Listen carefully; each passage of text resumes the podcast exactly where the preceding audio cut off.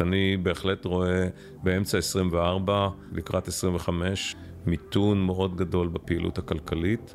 אני מעריך שבמידה מסוימת אה, אנחנו נשלם מחיר כלכלי שלא משלמים עד עכשיו על האירועים הפוליטיים שקורים היום. הם אירועים פוליטיים שלא היו בישראל. ממשלת ישראל וראש הממשלה איבדו את אמון השווקים. במידה רבה מה שאנחנו רואים כרגע זה אובדן אמון, ואובדן אמון הוא נזק ענק. היי, אני הילה וייסברג, ואתם מאזינים לצוללת של גלובס. בשבועיים האחרונים קשה היה לפספס צונאמי אדיר של אזהרות כלכליות בנוגע לישראל. ראשונה הייתה חברת הדירוג מודי'ס, שכבר הורידה באפריל את תחזית הדירוג של ישראל מחיובית ליציבה. אחרי ההצבעה בכנסת בשבוע שעבר על ביטול עילת הסבירות, היא פרסמה דוח חריף שלפיו קיים סיכון משמעותי להשלכות שליליות על כלכלת ישראל. יומיים אחר כך הגיעו עוד אזהרות רבות מצידם של סיטי בנק, מורגן סטנלי ועוד סוכנות דירוג, S&P. במורגן סטנלי אפילו הסירו את ההמלצה שלהם להשקעה בישראל. עד כדי כך. והשבוע העלה גם בנק ישראל את ההערכה שלו לגבי רמת הסיכון ליציבות הפיננסית כאן, מבינוני נמוך לבינוני גבוה, גם בגלל אי הוודאות סביב המהפכה המשפטית. איך ראש הממשלה נתניהו ושר האוצר סמוטריץ' מגיבים לאזהרות מהסוג הזה, ובכלל לשאלות לגבי הכלכלה והמהפכה המשפטית? בערך ככה. אני חושב שהרפורמה הזאת תחזק את המוסדות הדמוקרטיים, תחזק את ההגנה על זכויות וחירויות במדינת ישראל. אמרתי לא פעם שבעיניי לכלכלה היא הדבר הכי טוב שיקרה, מכיוון שהיא תחזק, סוף סוף תחזיר את הוודאות לעולמות הכלכליים, אל מול איזה פרשנויות משפטיות. זה היה מתוך המנגנון עם שאול אמסטרדמסקי, ראיון שפורסם לפני כחודש בכאן 11. אבל הכלכלנים הם ממשיכים להזהיר, כי כשהמוסדות במדינה נחלשים, זה ברוב המקרים גרוע לכלכלה. אז היום נשאל, איך תראה הכלכלה הישראלית בעוד שנה, שנתיים ושלוש שנים מהיום, אם המהפכה המשפטית תימשך? מה יקרה לצמיחה? מה יקרה לחוב של ישראל וליוקר המחיה? ומה יקרה לאבטלה? נדבר גם על דירוג האשראי של ישראל, מה הסיכוי שירד ומהן ההשלכות. ומי שמחזיק בתשובות לכל השאלות האלה הוא פרופסור צביקה אקשטיין, ראש מכון אהרון למדיניות כלכלית ודיקן בית הספר טיומקין לכלכלה באוניברסיטת רייכמן. בשנים 2006 עד 2011 הוא גם היה המשנה לנגיד בנק ישראל בתקופתו של הפרופסור סטנלי פישר. שלום פרופסור צביקה אקשטיין, ראש מכון אהרון למדיניות כלכלית ודיקן בית הספר טיומקין לכלכלה באוניברסיטת רייכמן. שלום רב, הילה. אז uh, לפני שנגיע לכל הסוגיות הבוערות שלשמן התכנסנו, אשמח אם תוכל להציג את עצמך מעבר לטייטל שכרגע הזכרתי. טוב, אני uh, פרופסור לכלכלה. התחלתי את הקריירה האקדמית שלי בדוקטורט באוניברסיטת מינסוטה. עבדתי על כלכלת מצרים. למעשה, משם uh, עבדתי על כלכלת, על החקלאות המצרית, עברתי לאוניברסיטת יל, ואחרי שלוש שנים uh, חזרתי עם המשפחה עם שני ילדים לתל אביב. אחר כך עברתי לנושא של תעסוקה, שוק העבודה. עבדתי הרבה מאוד על הכלכלה האמריקאית, אחרי זה עברתי הרבה מאוד על קליטת גל העלייה הגדול של שנות ה-90, אבל בעיקר בצד האקדמי, בשאלות, למשל, איך אה, הכשרות מקצועיות משפיעות על קליטת העולים, איך אנשים בוחרים מקצוע וכן הלאה. ובערך משנת 2000, לפני שנבחרתי להיות אה, משנה לנגיד, זה עבדתי על אה, ההיסטוריה הכלכלית של היהודים. ואז אה, פרופסור פישר הציע לי קודם כל להיות מועמד למשנה לנגיד, ואחרי זה משנה לנגיד. פרופסור סטנלי פישר. פרופסור סטנלי פישר, שהיה נגיד בנק ישראל בין 2005 ל-2013, אני הייתי משנה שלו בין 2006 ל-2011, ואז נכנסתי עמוק לתוך הנושא של מדיניות כלכלית. כשסיימתי את החמש שנים שלי, בחרתי לחזור לאקדמיה, באתי למה שהיה אז אה, המרכז הבינתחומי, אה, והיום אוניברסיטת רייכמן, ושם אה, למעשה הקמתי את הבית ספר לכלכלה.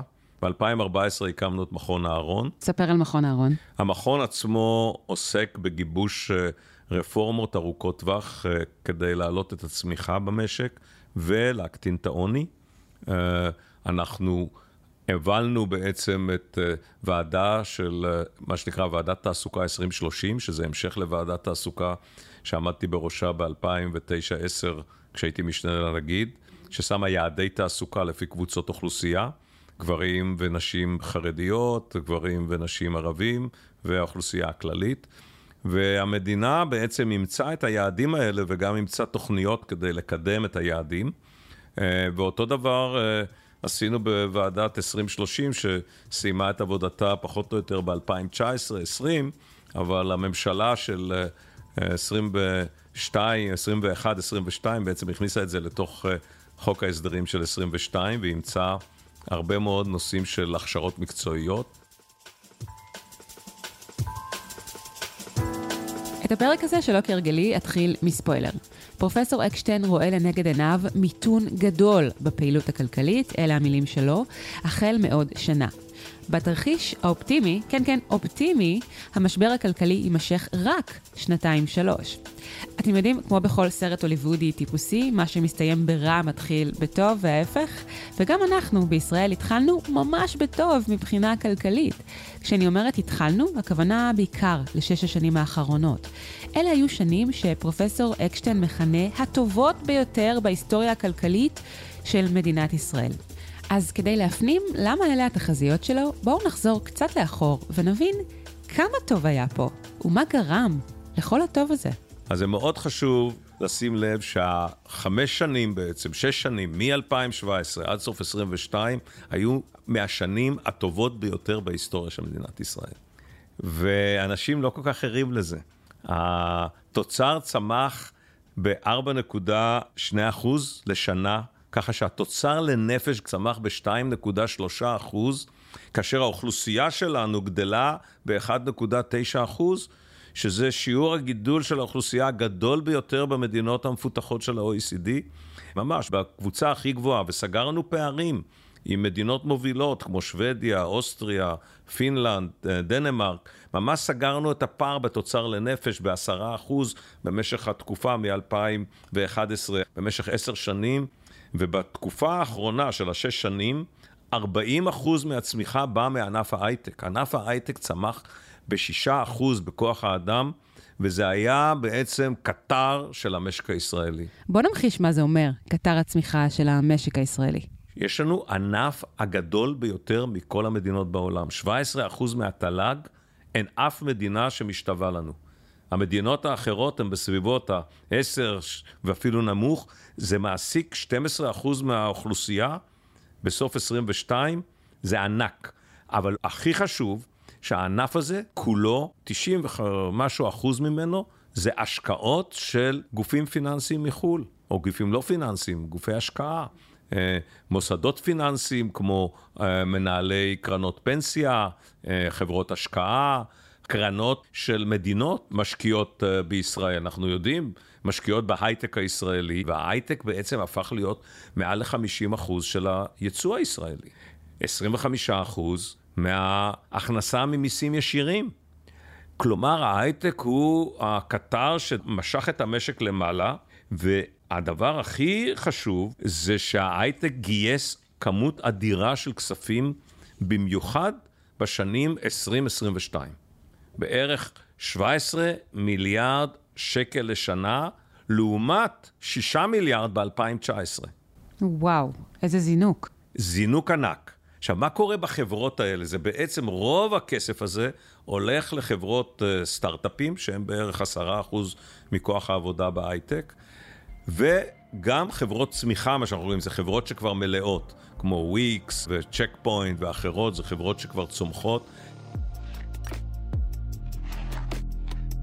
לפי פרופסור אקשטיין, המצב הכלכלי אצלנו היה כל כך טוב, שלמעשה חברות דירוג האשראי, שנותנות ציון לחוסן הכלכלי של המדינות השונות, היו כבר צריכות להעלות את הדירוג שלנו. לכן בעיניו, כבר עכשיו דירוג האשראי של ישראל נמצא בנסיגה. ותכף נרחיב עוד על דירוגי אשראי ומה המשמעות שלהם. למעשה חברות הדירוג בסוף 22, אם היינו ממשיכים באותו תוואי, ללא המכה של המשבר ההייטק הגלובלי, ועליו גם המשבר המקומי, חברות הדירוג היו צריכות להעלות את הדירוג של ישראל. אחד הדברים היפים שקרו לישראל, זה שהראינו לחברות הדירוג שהחוסן הכלכלי של ישראל השתפר בצורה דרמטית. קודם כל, החוב תוצר ירד, כשאנחנו, כשאני הגעתי לבנק ישראל כבר היינו בסביבות, אני חושב, 75 אחוז, והמשיך לרדת לכיוון ה-60 אחוז. אבל כל זה כנראה שייך לעבר. עכשיו אנחנו מתקרבים בצעדי ענק למציאות כלכלית אחרת. אז בואו נדבר רגע על דירוגי אשראי של מדינות. למען האמת, הם עובדים די בדומה לדירוגי אשראי של אנשים או עסקים. דירוגי אשראי מייצגים את החוסן והיציבות הכלכלית של המדינה, וכפועל יוצא גם של החברות במדינה הזו.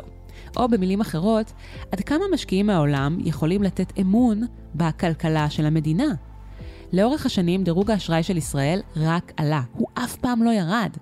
כיום הדירוג של ישראל, למשל לפי מודי'ס, נחשב די טוב, A1, כמו יפן, אסטוניה וגם סין.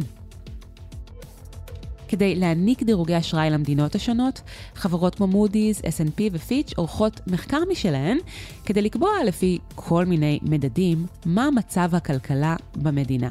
הן מדברות עם מומחים כלכליים ושואלות הרבה מאוד שאלות. כמשנה לנגיד בנק ישראל, פרופסור אקשטיין שוחח פעמים רבות עם אנשי חברות הדירוג. הוא יודע היטב איך הן פועלות ומה האימפקט של הדירוגים שהן נותנות.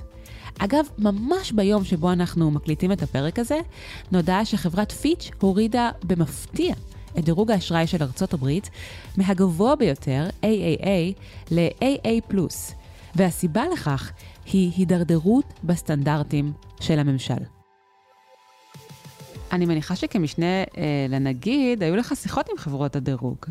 כן, הרבה מאוד. חברות הדירוג מדברות לא רק עם אה, בנק ישראל, הן מדברות עם משרד האוצר, הן מדברות גם עם הכלכלנים בבנקים, הן מתייחסות ליציבות הפיננסית בישראל, וכלכלנים הם בעצם כלכלנים שעשו את הדוקטורט שלהם באוניברסיטאות בעולם. והם מכירים איך אה, מדרגים, זה יש אה, פרקטיקה מאוד אה, מקובלת לדירוג של מדינות שמשפיע בעצם על כל המשק. מה, איך, איך נראות שיחות כאלה? איזה שאלות נשאלות? מה קורה בסוג כזה של אינטראקציה? בדרך כלל הם שואלים אותנו איך אנחנו רואים את המשק הישראלי, קודם כל איפה הוא נמצא היום, מה קרה לו בשנים האחרונות. ואחר כך את הצפי שלנו, נגיד בבנק ישראל, את הצפי שלנו למדיניות מוניטרית, התייחסות למשל לנושא של, קודם כל, נגיד, צבירת הרזרבות של ישראל. הם היו למשל, אני אתן דוגמה, לפני 2008 שהתחלנו להתערב, היה לבנק ישראל רק 28 מיליארד דולר רזרבות. הם לא פעם אמרו שזה נראה להם מעט מדי, שאם יהיה פה איזשהו אירוע טראומטי של החל ממלחמה. קלה מרעידת אדמה ודברים כאלה, יהיה לכם בעיה לממן אה, אה, יבוא לטווח ארוך. ואחד השיקולים שבבנק ישראל היו בזמן שקיבלנו את ההחלטה במרץ 2008 להיכנס ולהתערב, ששער חליפין הגיע ל-3.30, אה, זה בין היתר חשבנו שזה נכון לקנות מטבע חוץ ולהגדיל את הרזרבות ולהגיע ל-50, 60, אחר כך גם היה את ה... זה היה בתוך המשבר של אה, המשבר הפיננסי. אז השיחות הן גם על הנושאים הללו. כשמה שמנחה את חברות הדירוג זה בעצם שככל שהכלכלה יציבה יותר, איתנה יותר, כך זה מקום יותר טוב להשקעות? נכון, בדיוק. קרנות אה, הון סיכון גדולות בחו"ל מסתמכות על דירוגי האשראי בהחלטה שלהם כמה להשקיע בישראל לעומת כמה להשקיע בצרפת או כמה להשקיע באיטליה או כמה להשקיע בשוודיה או כמה להשקיע בארצות הברית. עד 22 הייתה המלצה מאוד מאוד חזקה להשקיע בישראל. ולמה? קודם כל, מאחר והסיכונים בישראל הכלכליים מאוד נמוכים. גם הסיכונים הביטחוניים ירדו מאוד בישראל. והירידה הזו בסיכונים התבטאה גם בדירוג של חברות אה, האשראי, חברות דירוג האשראי, אבל גם בריבית בישראל. אנחנו ירדנו לריבית עשר שנים קדימה נמוכה מהריבית האמריקאית, כבר מ-2015-2016. אנחנו הגענו לריבית קצרה, גם כן מאוד מאוד נמוכה. אנחנו מסתכלים על מדדים אחרים של סיכון, של אה, מה שנקרא סיכון של אגרות חוב של ממשלת ישראל, הם הגיעו ל-0.4 אחוז בסוף 22, כשאני הייתי משנה לנגיד, אני מדבר על 2010, הם היו 150, זאת אומרת אחוז וחצי. היו משלמים ביטוח על אגרות חוב של ממשלת ישראל. והצפי שלך, פרופסור אקשטיין, לדירוג האשראי של ישראל, הוא שהוא אה, ירד בקרוב? חברות האשראי בדרך כלל אה, מגיבות על אה, מה שקורה בצפי בינוני טווח, טווח של שנתיים-שלוש. הן גם רוצות לראות האם השינויים המשפטיים האלה בפועל אכן יגרמו להעלאת אי-הוודאות, והגדלת אי-הוודאות תקטין את ההשקעות הרבה יותר ממה שצפינו קודם, ויהיה לזה ביטוי במשק. בדרך כלל הן לא משנות את הדירוג לפני שנראה בפועל שמה שצפו שלילית אכן קורה. למה הכוונה? שהן בדרך כלל משנות את הדירוג עצמו בצורה משמעותית לעומת הצפי. לכן כן, הם... יש תחזית ויש את הדירוג. יש תחזית ויש דירוג. הדירוג בדרך כלל נעשה אחרי שהשוק כבר מוריד את הדירוג, זאת אומרת מעלה את הריביות, מעלה את ההסתברויות לסיכונים, וכבר רואים אה, ירידה משמעותית בצמיחה. למשל, היום בנק ישראל צופה את המשק הישראלי לצמוח ב-3.5% ב-23 וב-3% ב-24. אז רק כאשר נראה שהצמיחה במשק מתמתנת משמעותית מהציפיות הללו, ב-23 וב-24, אנחנו נראה את חברות הדירוג בפועל מורידות את הדירוג. ואז כשדירוג אשראי של מדינה נניח יורד, מהן ההשלכות? הורדת דירוג יכולה לגרום לעלייה משמעותית בריבית הארוכה. שתשפיע מאוד על עלות גיוס החוב של ממשלת ישראל, אבל זה גם ישפיע על עלות גיוס החובות של הבנקים. ובזה מיד יתגלגל לחברות במשק ולצרכנים. זה מיד ישפיע על הריבית המשכנתאות. ולמעשה, הוצאות הריבית של משקי הבית בישראל ושל החברות הקטנות ושל יוקר המחיה מיד יושפע, כי זו השפעה רוחבית מאוד משמעותית. דרך אגב, לא היו בישראל הורדות דירוג. הדירוג היה מאוד נמוך הרבה מאוד שנים. אפילו באינתיפאדה השנייה לא הורידו את הדירוג, הצפי היה שלילי, אבל הדירוג מעצמו היה עוד מאוד נמוך כבר מכל מה שקרה פה בשנות ה-90 מבחינה ביטחונית, וגם בגלל שהחוב תוצר היה 90 ומשהו אחוזים. ואחד הדברים שקרו, שהחזיקו את ה... שלא הורידו את זה, שבעצם ארצות הברית נתנו לנו ביטחונות על אה, גיוס חוב, גם בקליטת גל העלייה ב-91 וגם בעקבות האינתיפאדה השנייה, נתנו לנו uh, ביטחונות, ובעצם יכולנו לגייס חוב בריבית של ארצות הברית. זה הסיבה שרמת הדירוג שלנו לא הידרדרה אז. אז הורדת דירוג זה דבר ממש חריג בעבור חריג ישראל. חריג ביותר. אפילו צפי שלילי של מודי'ס זה כבר חריג. למעשה התהליך הזה שמסרטט פרופסור אקשטיין על העלאת יוקר המחיה בגלל המהפכה המשפטית, יכול להיות שהוא כבר התחיל. השקל נחלש בחצי השנה האחרונה מול הדולר, וכשזה קורה, יקר יותר למשל לטייל בחו"ל, וגם העלויות של היבואנים עולות, מה שעלול לגרור העלאות מחירים, העלאה של האינפלציה, ואולי עוד העלאות ריבית בעתיד. כל אלה קורים כבר עכשיו, עוד לפני שדירוג האשראי של ישראל חלילה ירד. עד עכשיו דיברנו על העבר ועל דירוגי אשראי והמשמעות שלהם. עכשיו הגענו לסיבה העיקרית שבגללה רציתי לשוחח עם פרופסור אקשטיין. ניתוח שביצעו ממש באחרונה במכון אהרון לגבי הכלכלה הישראלית, איך היא תיראה בעוד שנה, שנתיים ושלוש שנים מהיום, אם המהפכה המשפטית תמשיך. וכשאני אומרת תמשיך, הכוונה היא שתימשך אי הוודאות לגביה, גם אם לא נראה אפילו עוד חוק אחד מתוך המהפכה הזו שמאושר בכנסת. כדי לנתח את העתיד של הכלכלה הישראלית, במכון אהרון חזרו לתקופת האינתיפאדה השנייה, שדומה ביניהם לתקופה הנוכחית. גם שם היה משבר הייטק גלובלי, שגלש למשק הישראלי, והתלכד עם משבר ביטחוני מקומי. התוצאה הייתה הצטמקות של ההייטק במספר העובדים שלו, הצטמקות ב-7%. ולכך היו השלכות כבדות גם על שאר המשק. וזה, לדעת פרופסור אקשטיין, מה שאנחנו צפויים לראות גם עכשיו. אבל זה לא יקרה מיד, אלא בעוד כשנה וחצי מהיום, פחות או יותר. מה המשמעות של התכווצות ההייטק, התעסוקה בהייטק, ב-7%? זה גדול מאוד.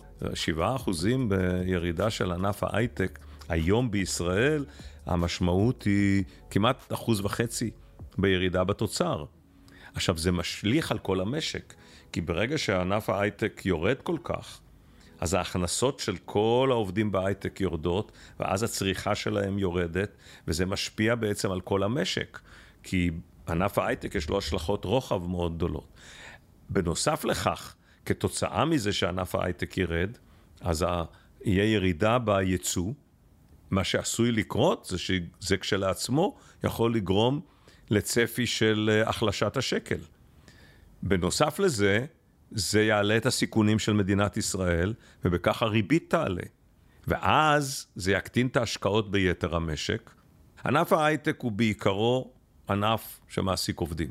רוב הכסף שמגיע זה מעסיק עובדים. יש לנו, הנתונים הם בערך שמיליארד דולר השקעה בענף ההייטק הישראלי, זה תוספת של 3,500 משרות. הורדה של מיליארד דולר זה הורדה של 3,500 משרות.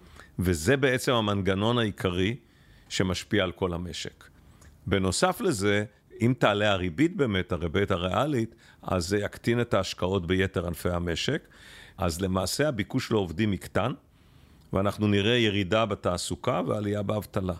עכשיו הגענו ללב ליבו של הניתוח של פרופסור אקשטיין.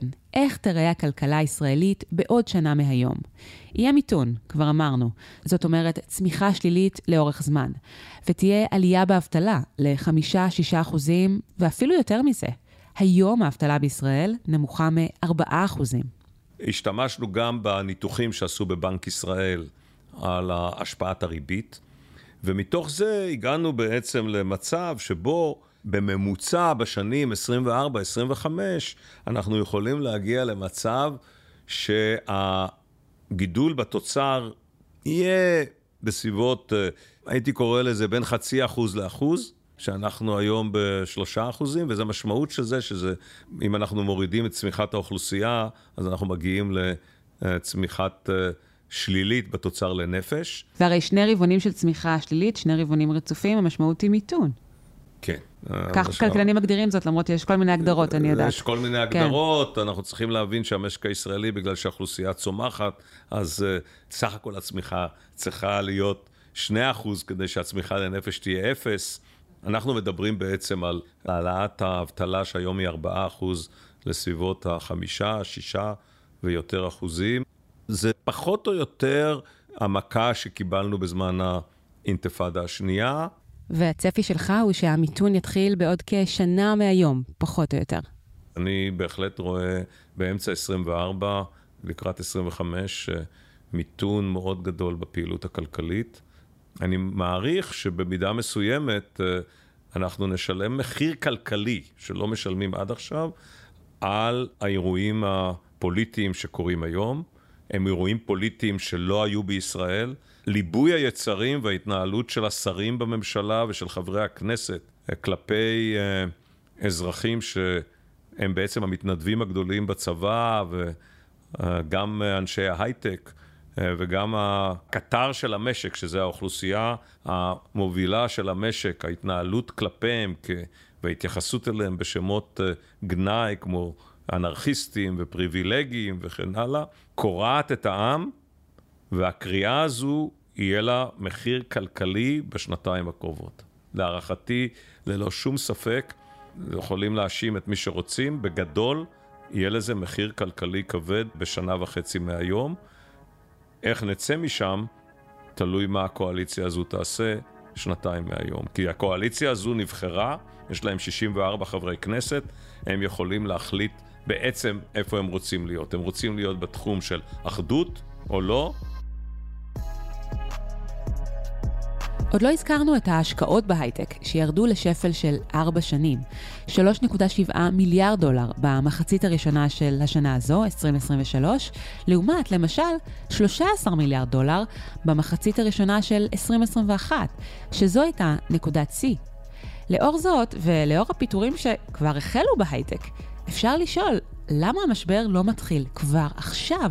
למה לא רואים את האבטלה מתחילה לטפס? פרופסור אקשטיין מסביר שאלה תהליכים שלוקחים זמן. ומה שקורה בזה שהחברות האלה שהן מקבלות כספים מקרנות אה, הון סיכון, הן מפזרות את זה על פני זמן. וכאשר יש ירידה בביקושים למוצרי הייטק, הן מפזרות את זה על יותר זמן. ומאחר והתקבל כל כך הרבה כסף בשנים 2022, אז הן יכולות לפזר את זה על פני יותר זמן, ולכן אנחנו, למרות הירידה הדרמטית, הירידה הזו היא לא מתבטאת עדיין בשוק העבודה. היא לא מתבטאת עדיין ביצוא. היא מתבטאת בעיקר במה שקורה לערך החברות האלה בבורסה בנסדק, או מה שקורה בכלל לערך המניות הישראליות, שזה בעצם התחזיות של אנשים שמשקיעים, נגיד במערכת הבנקאית, ומסתכלים חמש שנים, ארבע שנים קדימה, ומעריכים שהשינוי המשטרי שנדחף על ידי הקואליציה עכשיו, יוריד את שיעורי הצמיחה של המשק. אנחנו מנהלים פה שיח רציונלי, שיח שכלתני, אבל נראה שהקברניטים הם בכלל לא באזורים האלה. הנושא הזה של בריחת מוחות, הנושא הזה של בריחת השקעות, האזהרות, זה לא מדגדג. בוא נגיד ככה, מה שהם אומרים, זה שהם חושבים שהאג'נדה שלהם לא תפגע בכלכלה בטווח ארוך. אני חושב שהם טועים. אני חושב שיש כאן אה, טעות. העובדה שראש הממשלה עוד לא ביקר בבית הלבן זה משמעותי מאוד. העובדה שאנחנו מבחינה מדינית נמצאים היום באיזשהו ואקום. אה, העובדה שאחוז משמעותי מהמתנדבים למילואים אה, מודיעים שהם יפסיקו להתנדב למילואים, זה עשוי להשפיע על ההתנדבות של הילדים שלהם ליחידות מובחרות בצה"ל.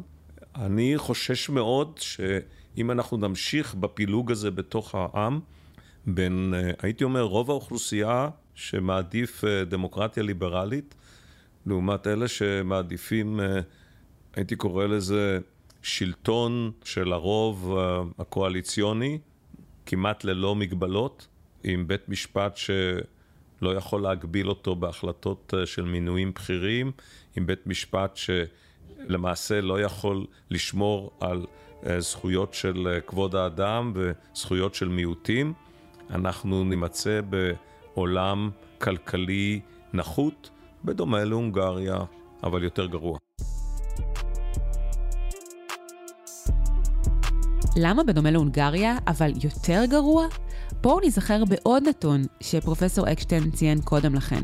ענף ההייטק יוצא דופן בישראל, גם במובן הזה שהוא נשען במידה כמעט מוחלטת על השקעות מחו"ל, 90 אחוזים. ולכן, בניגוד למדינות כמו פולין או הונגריה, שגם שם התרחשו הפיכות משטריות, אצלנו הפוטנציאל להרס כלכלי הוא הרבה יותר גדול. ישראל, אומר פרופסור אקשטיין, רגישה יותר מהממוצע לתהליכים של מהפכות משפטיות בהשוואה למדינות אחרות. למה היא יותר רגישה מהממוצע? כי החלק היחסי של השקעות בחו"ל הוא יותר גדול, וההייטק הוא גמיש, הוא יכול להיות בכל מקום. גם העובדים של ההייטק יכולים לנוע, וגם הכסף עצמו יכול לנוע, יכול ללכת להודו, יכול ללכת לסינגפור, שמדינה דרך אגב לא סופר ליברלית, גם הודו לא סופר ליברלית, גם שם יש סיכונים יותר גדולים, אבל אם הסיכונים פה עולים מאוד, אז אה, יכולים להשקיע במקומות אה, שבהם זה יותר זול. כאמור, התחזית הזו שמציג פרופסור אקשטיין, מיתון שיימשך כשנתיים-שלוש, היא התרחיש האופטימי שבו הממשלה מתעשתת באיזשהו שלב. הזכרתי זאת קודם. התרחיש הפסימי הוא למעשה הונגריה, אבל יותר גרוע. אז מה יקרה כאן? אתם יודעים למי ניתנה הנבואה. אז בואו נזכר שוב במה שכבר היה לפני 20 שנה, בתקופת האינתיפאדה השנייה. בואו נזכר איך התחילה הנסיקה הכלכלית הגדולה של ישראל, דווקא כשהיינו כמה שנים קודם לכן ממש בשפל. בואו ניקח את האינתיפאדה. האינתיפאדה השנייה זה היה מבחינה כלכלית מקרה דרמטי מאוד. כי התחלנו אותה במצב כלכלי לכאורה טוב, כי היה צמיחה מאוד גדולה בשנת 2000, אבל היינו בחוב תוצר של 90 ומשהו אחוזים. לא היינו בעודף במאזן התשלומים, היינו בגירעון במאזן התשלומים. המערכת הפיננסית שלנו לא הייתה מאוד יציבה, היו uh, אשראים לא טובים, ולמעשה המערכת הבנקאית עברה, הייתי קורא לזה התחדשות באשראים שלה.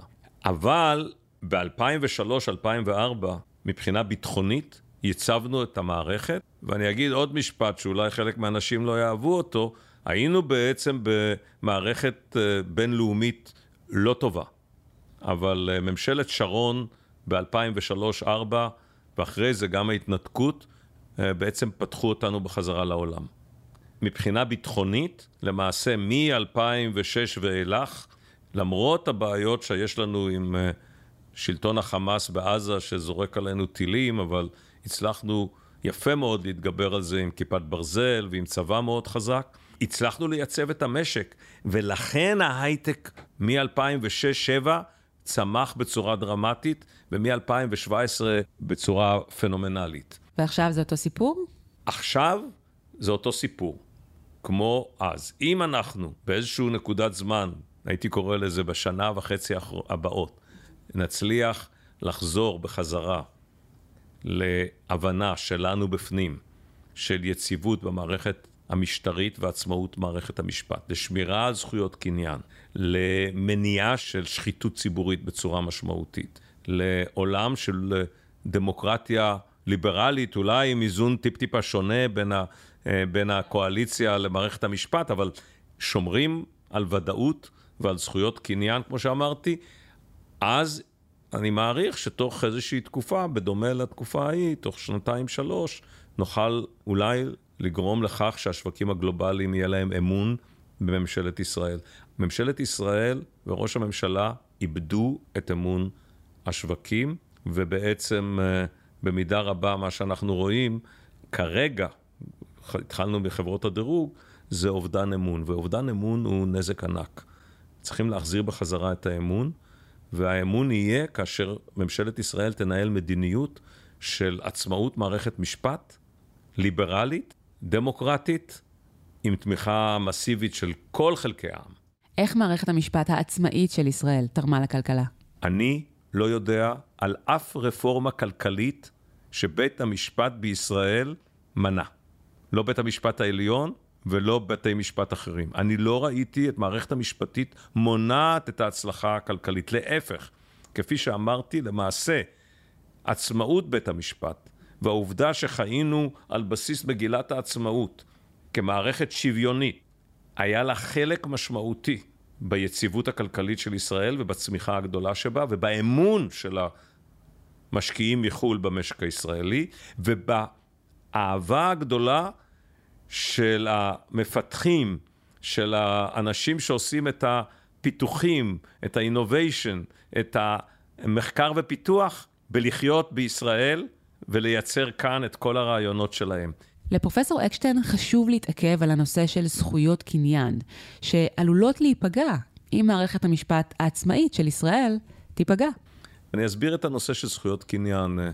החברות הבינלאומיות משקיעות פה הרבה מאוד כסף ביצירת אה, מה שנקרא מוצרים חדשים למטא, לאייפון, לאפל, מוצרים חדשים לגוגל, מוצרים חדשים בסייבר לפאלו אלטו וכן הלאה.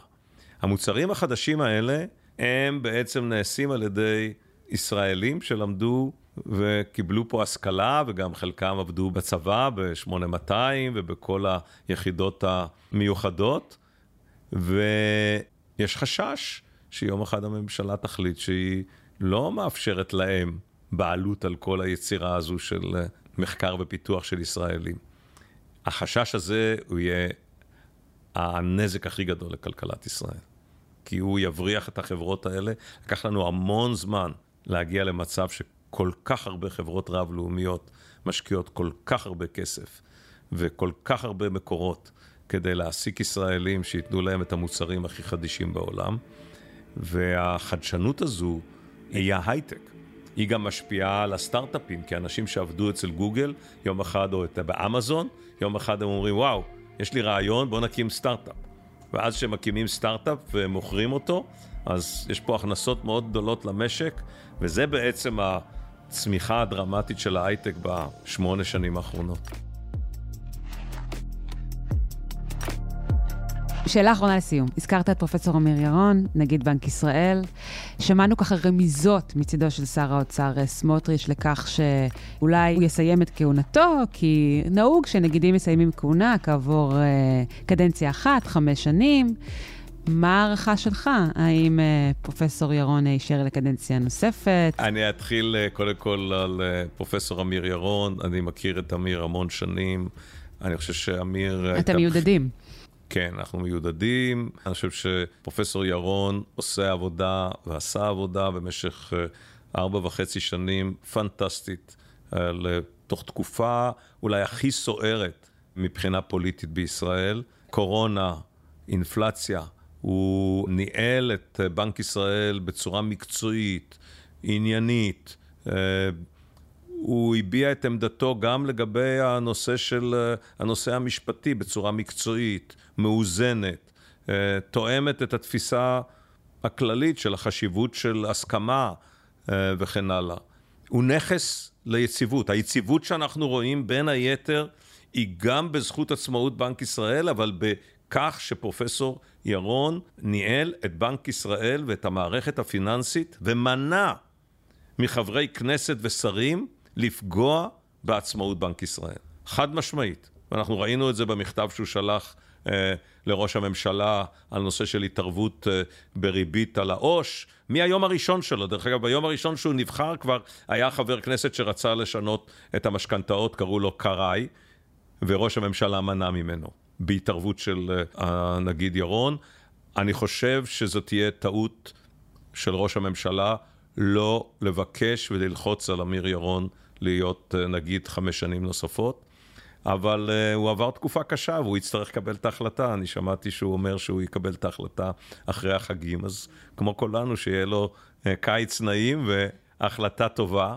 מה יקרה אם ייבחר נגיד לא עצמאי, ולכן בנק ישראל לא יוכל לשמור על העצמאות שלו? ראש הממשלה נתניהו מבין, נכון, הוא, הכרתי אותו בזמן שהעברנו את חוק בנק ישראל. אני מקווה שההבנה שהייתה לו תימשך, שיש יותר חשיבות בשבילו ובשביל ממשלת ישראל בעצמאות בנק ישראל, ושהוא יבחר, נגיד, אם אה, פרופסור ירון יחליט לא לקחת את התפקיד, שהוא יבחר אה, נגיד עצמאי, שישמור על עצמאות בנק ישראל, זה נכס ענק. אם זה לא יקרה, ואם יהיה התערערות, זה יפגע מיידית בדירוג האשראי ובריבית בשוק. זה יפגע מיידית ביציבות שהשוק חושב על מדינת ישראל, והפגיעה הזו תהיה יותר קשה עוד יותר קשה מהחוק ומה שעושים לנו עד עכשיו בתחום של עילת הסבירות. אני אגיד, לא פחות קשה מבכלל הנמכת כוח של בית המשפט. עצמאות בנק ישראל זה כמו עצמאות uh, מערכת המשפט. אני אגיד את זה בצורה הבאה, חוסר העצמאות שהיה לבנק ישראל הוא זה שהביא את האינפלציה הענקית ואת כמיהת פשיטת הרגל של ישראל בשנות ה-80 המוקדמות. עצמאות בנק ישראל בעצם עוגנה לראשונה אחרי שארצות הברית נתנה תמיכה לישראל והוציאה אותנו מהאינפלציה של ה-500 אחוזים ומהמצב של חוב תוצר של קרוב ל-250 אחוז. ואז היה לנו גם בית משפט עצמאי. ולכן היציבות הכלכלית של ישראל היא קריטית ביציבות אה, ועצמאות הבנק המרכזי. לו מציעים לך להתמנות לתפקיד, אתה מסכים? אני חושב שעברתי את השלב הזה של להיות אה, נגיד, יש... אה, לפי מיטב ידיעתי, יש אה, קבוצה של כלכלנים אה, טובים מאוד שיכולים למלא את התפקיד הזה, אבל הטוב ביותר ביניהם זה פרופסור אמיר ירון. פרופסור צביקה אקשטיין, תודה רבה. תודה רבה, הילה.